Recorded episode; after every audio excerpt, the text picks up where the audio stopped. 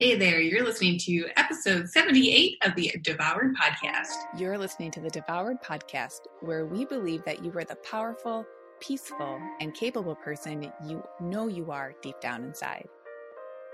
Join me, nutritional therapy practitioner Lucia Hawley, as I help you redefine what your relationship to your food means to you. Now is the best time to dive deep into how breaking the food rules serves you and your plate in your life. Learn the best insights from amazing guests on this weekly show. So now that you're ready to dig in, let's help you tackle that mountain on your plate and in your mind. Just know that you are in the right place, friend. Today on the show, I am discussing a subject that is really, really key when it comes to making changes in your life. And that is exactly what you're doing, whether you are starting a diet, or you're stepping away from a diet, or you find yourself in a place where you're ready to drop the noise of diet culture, or you're ready to drop the noise of anti diet culture. Regardless of the changes that you're making, there's a big reason that we need to pay attention to when you decide to make a change, but you're scared of that change. Which is why I titled the episode, Why You're Scared of Standing.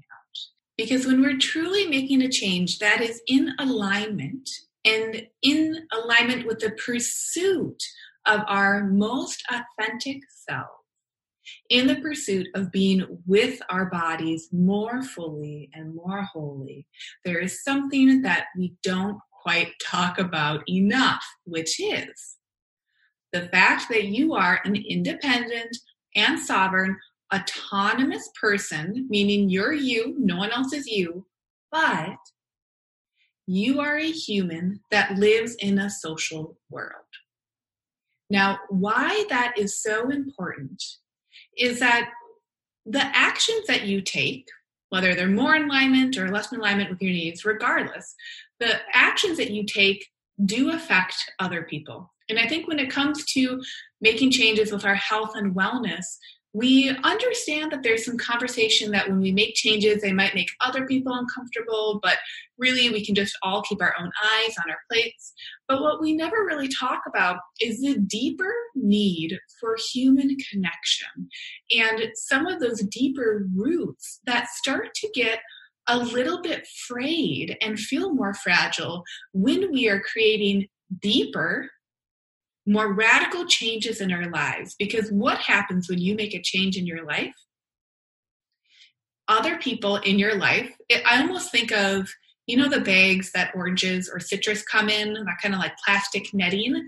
I think of like each person in your social atmosphere as part of that netting. And if you're one part of that netting as well, and you're in the social fabric of your life, if you pull on one area of that netting, what happens? Other areas start to shift and pull as well. Even though it's not that specific area of the netting of that bag, it still impacts other people. And when we come to that realization, this starts to add a level to the changes that we're making that at first glance can feel really overwhelming, right? We're like, oh my gosh, I thought I'm not codependent with other people. I've been trying really hard to set my boundaries. Like, I am my own self. What the heck? Why am I suddenly happy to think about other people again? Hold on. If you're feeling that way, stick with me because this episode I think will really, really resonate with you. What we're actually doing we come to realize that as humans, it is adaptive to care about what others think. There is a reason that diet culture tells us to do this or do that. We do the things or we try to do the things because if we fit in with society, there is more of a chance that we will stay safe and stay protected. And from an evolutionary standpoint, that's awesome. Just like from an evolutionary standpoint, there's a reason why we crave carbohydrates there's a reason we crave fats, and there's a reason that it's so damn palatable when we eat foods that are highly that are in high combinations of both fats and carbohydrates, right? There's a reason why we love salty, fatty, crunchy, sweet, savory things. Because back in the day that was really novel and we didn't have access to it. So anytime we encountered let's say a beehive and we found some honey or we found a bush of raspberries we actually had these physiological cues to ingest these high calorie highly palatable foods because we had food scarcity then that overall for the most part for the people who are listening to this podcast now we don't have that food scarcity we live in a different environment these days where we have high access to highly palatable, high caloric foods. There's nothing wrong with that. That simply is fact. So, along the same lines, though in a different pathway, I think it's helpful to add context to our fear of making changes that are true for us. You can start to make the most aligned choice in your life, right? Maybe that is leaving a diet. Maybe you're starting to reduce the noise on your social media page. Maybe you're unfollowing people who are overwhelming you on Instagram. And maybe you're getting kickback, or maybe it's bugging other people in your life that you're paying attention to this area in your life. First and foremost, when other people are judging you, I want you to know that that's their judgment of themselves, that they're seeing reflected in you. And because they are uncomfortable with their own judgments of themselves, they're going to try to get rid of that feeling and they're going to ping pong it onto you for you to deal with it. So, first and foremost, there is that to be considering. But again, that surface level. When we dig in deeper, what you'll find is that just like there was an evolutionary advantage to having a sweet tooth, there's also an evolutionary advantage to staying safe and staying in community. And there are more and more studies that show us just how detrimental social isolation and even perceived social isolation can be to our health, not only to our emotional health, but how our emotional health is housed in our physical health. So we can have more physical health ailments and issues because of feeling, perceived or otherwise, social isolation. Social isolation. So understanding that our changes that we're making is not only just us showing up to new habits, right? Choosing the foods that really fuel us, getting out in nature is not only the what, and it's not only the how of creating those habits. It's also understanding the flip side of the habits and recognizing that there's a reason why perhaps you have been scared to stand out. Perhaps you have been scared of dropping the weight or gaining the weight or doing the thing that even logically makes sense for you, but yet emotionally you haven't been showing up to. It could be because your brain and your reptilian brain, that deeper part, your brain stem, like the innards of your brain, that part of your brain might be trying to, from an evolutionary standpoint, keep you safe and now what we have to do is actually join hands with our reptilian brain, the brain that's simply trying to keep you safe, just like we join hands with the brain that says, binge on the honey, binge on the raspberries, you don't know when they're going to come next. We have to understand that we have these evolutionary cues that because we have these big, beautiful brains, because we're humans, because we have our frontal cortex, frontal lobe that is really, really the house of our thought and our perceptions, we have to understand that now you are in a position as someone who is making a change in their lives. And you're starting to pull on that social fabric because as much as you're an individual the choices you make will naturally ripple out and affect other people. We get to come to this beautiful spot in the psychology of our own change where we get to trust that the relationships that are strong and are worthy of your authentic self will be able to tolerate the changes that you make. This is an area that I see time and time again that eventually bubbles to the surface with so many of my clients and so many women and women identified people in my community. The surface level is that we're scared to make a change because change is hard and it's stressful and we're already stressed out. And the deeper issue is, and the subconscious issue that we might not even recognize, is that we're scared to make change because we're scared of how it affects other people, and we're scared that those people will leave or won't care about us when we make the changes. If you feel that, oh, I'm there with you. I feel that statement too. And I want you to know that it's not a bad thing if you're feeling that. Know that that's an incredibly adaptive mechanism that has been part of your ancestors' survival. It's been highly, highly adaptive, meaning highly healthy for you to care about what other people think. And maybe it kept you really safe. Maybe you were someone, especially growing up, where that was a coping mechanism that got you through to the next day, got you through to the next year, is noticing what other people thought and staying in line and not standing out too much, just enough to get through to the next day. So now, as you're listening, if you're listening, I'm betting you're an adult who's in charge of their own life. If you're listening and this is resonating, and this episode is releasing on January 9th, right? We're in the beginning of 2020. It is a new year, new you. Maybe you're starting resolutions, maybe you're not. Maybe you're just simply coming back to routine after a few weeks off over the holidays. Whatever situation you're in, I think this can really apply to you because we're at this precipice with social media and hyper connectedness in our digital technological age where we understand that just because we're in high contact with other people, we might not actually have that deep contact with other people. You know what I mean?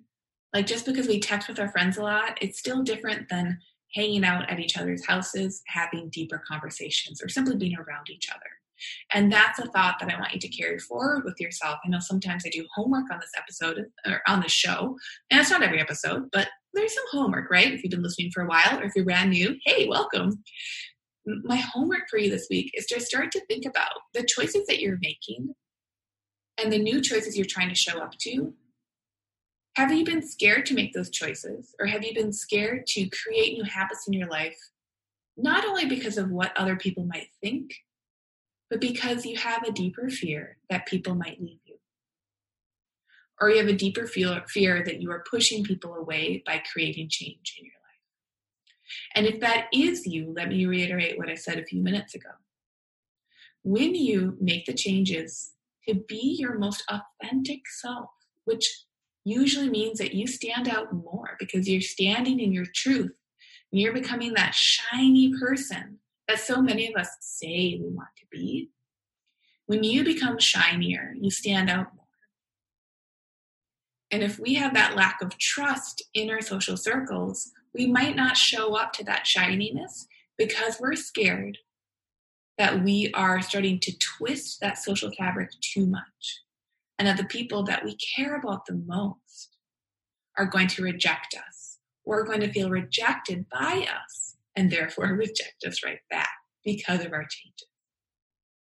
Which here's the truth the people who are here to authentically support you will support your authentic changes. And that doesn't mean that they might not feel some of that tension as you're going through the changes. But that means that in that social network and social fabric, they will hold space and they will be a container for you in your change. And conversely, you, by you stepping into yourself, you are creating a ripple effect, whether they know it or not, and whether you know it or not. You're creating a ripple effect that shows other people that they can do the exact same thing and that you will stand in your authentic relationship to them while they might be creating different tension in their own social networks. My too long don't read for this episode is that if you've been scared to make a change or you start new habits and then you break them and you go back to your old habits and you feel like you're stuck in bad habits, but you want good habits, you don't know what to do, and this is a cycle that you always find yourself in, you actually might need to stop thinking about yourself. And you might need to start thinking about other people, but not from an codependent perspective. Not even from an independent perspective, but from the perspective that you've been born as a human. me too. Hey, nice to meet you. And because you're a human, you are interconnected with other people. And because you're interconnected, this is simply another layer that gets to come to the surface when you create changes in your life. So your homework can be noticing this and notice if your hesitancy to be more of yourself, which means that you become shinier, which means that you are just more you, which is such a beautiful thing. If you've been scared to do that, you might be scared to be standing up. And you might be scared to be standing up because of an old story and some evolutionary truth to the fact that when you change, your social dynamics change. And if you haven't felt secure in some of your social dynamics, that could be a reason that is subconscious that you haven't been engaging in your own change process. So journal on that. Take five minutes now. If you're driving, okay, journal when you get home or when you get to where you need to be. If you don't have a journal, use your notes app. You got technology. You're listening to this podcast on something, right? Open up your laptop. Journal for five minutes on how what you change in yourself, how you believe that that might be affecting other people. And once you journal on that, simply let it be. Because here's the other thing when we start to realize that we have subconsciously been judging others around us, or when we have been thinking that others are judging us, we are engaging in judgment. And judgment simply is. It's just like our habits. We don't have good habits, we don't have bad habits. I'm really sorry to break that to you. I know you've been trying really hard to have the good habits. Me too. I get it. But there are no good or bad habits. Habits simply are all that comes in to this dialogue is what you desire to do. And if you've been scared to do something, if you've been in fear of doing something, if you're worried what others might think, it's okay to have those thoughts and do the thing anyway. Because what you will find is that as you show up to the things you're scared of, as you show up to the things that you worry will change your social fabric, you're going to have a better understanding of that social fabric. You're going to have a much clearer ability to understand how you have been supported and how you can support others as they shift and grow through their lives. Because isn't that what life is? Is that we are coming into more consciousness around who we are, what we do, and how we do it. That's part of the life process. Change is part of life. So, why you're scared of standing out? Why you're scared of making those changes, it might not actually be about you, and that's okay. And now that you know that, you can do something about it. Thanks for listening to the Devoured Podcast. Jump into the show notes for this episode and all past episodes at devouredpodcast.com. And if you love the show, please take just two minutes out of your day today to leave a review. This helps us so much in spreading the word. Consider also sharing your favorite episode with a friend. Let's get food liberation for all, and we'll see you on the next episode.